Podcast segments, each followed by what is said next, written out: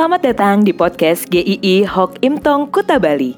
Penginjil Ray Reginaldi akan membagikan renungan harian singkat untuk membawa Anda mengenal dan menyembah Tuhan Yesus, bertumbuh dan menjadi murid Kristus, serta berdampak untuk banyak orang. Jika Anda merasa diberkati melalui renungan ini, silahkan bagikan podcast ini agar orang lain juga diberkati.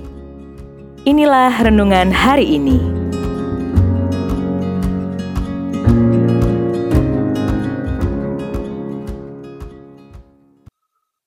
Kabar baik dalam penderitaan. Mazmur 23 ayat yang keempat. Sekalipun aku berjalan dalam lembah kekelaman, aku tidak takut bahaya, sebab engkau besertaku. Gadamu dan tongkatmu, itulah yang menghibur aku. Kadang ada orang yang bertanya, Mau dengar kabar baik dulu atau kabar buruk terlebih dahulu? Anda mau dengar yang mana dulu? Kabar buruk atau kabar baik? Oke, kabar buruk dulu ya. Bahwa kita hidup tidak pernah terlepas dari masalah. Sesukses apa pun, sepintar apa pun, seterkenal apa pun, sesehat apa pun, kita tidak pernah luput dari yang namanya masalah. Mau harta benda kita ada menumpuk, mau banyak hal yang kita miliki ada berlimpah-limpah, tetapi tidak pernah membuat kita kebal terhadap masalah. Termasuk ketika kita menjadi orang Kristen, kita juga tidak luput dari yang namanya masalah. Sekalipun itu kabar buruknya, tetapi ada kabar baik di dalam kabar buruk yang pasti kita alami sebagai orang percaya. Permasalahan dalam hidup kita sering menghasilkan ketakutan. Ada permasalahan yang tampak begitu besar dan di luar kekuatan kita untuk menghadapinya.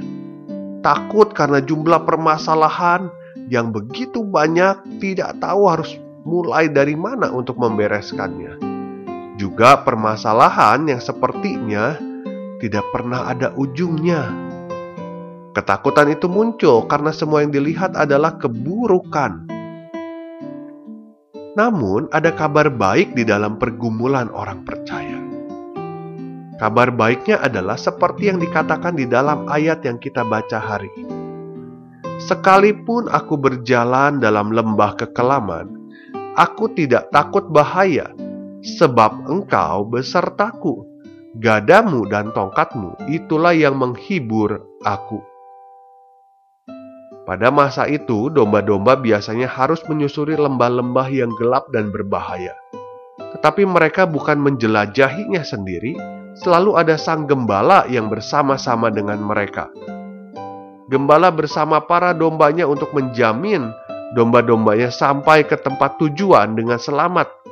Dengan gada dan tongkat di tangannya, sang gembala menjaga domba-domba dari serangan-serangan binatang buas dan mengarahkan domba-domba itu untuk tidak tersesat. Bukan lingkungan atau situasi yang membuat domba-domba itu tenang, tetapi kehadiran sang gembala yang menyertai sekalipun di dalam lembah kekelaman. Situasi di dalam kehidupan kita tidak bisa menjamin ketenangan kita. Sekalipun kita sedang berjalan di jalan yang rata dan lancar, sangat mungkin bisa dibelenggu ketakutan-ketakutan.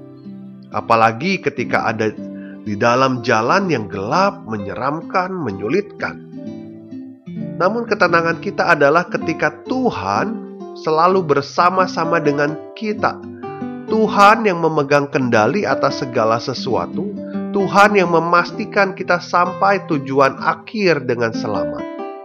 Tuhan Yesus sudah menempuh jalan yang gelap dan sangat mengerikan seorang diri. Dia menanggung hukuman dosa yang paling mengerikan. Dia menempuh jalan itu memastikan supaya setiap kita untuk tidak lagi menempuhnya, yaitu hukuman dosa yang paling mengerikan. Dia tidak meninggalkan kita saat kita ada berjalan di dalam kegelapan, supaya kita ada bersama-sama Dia hidup di dalam terang.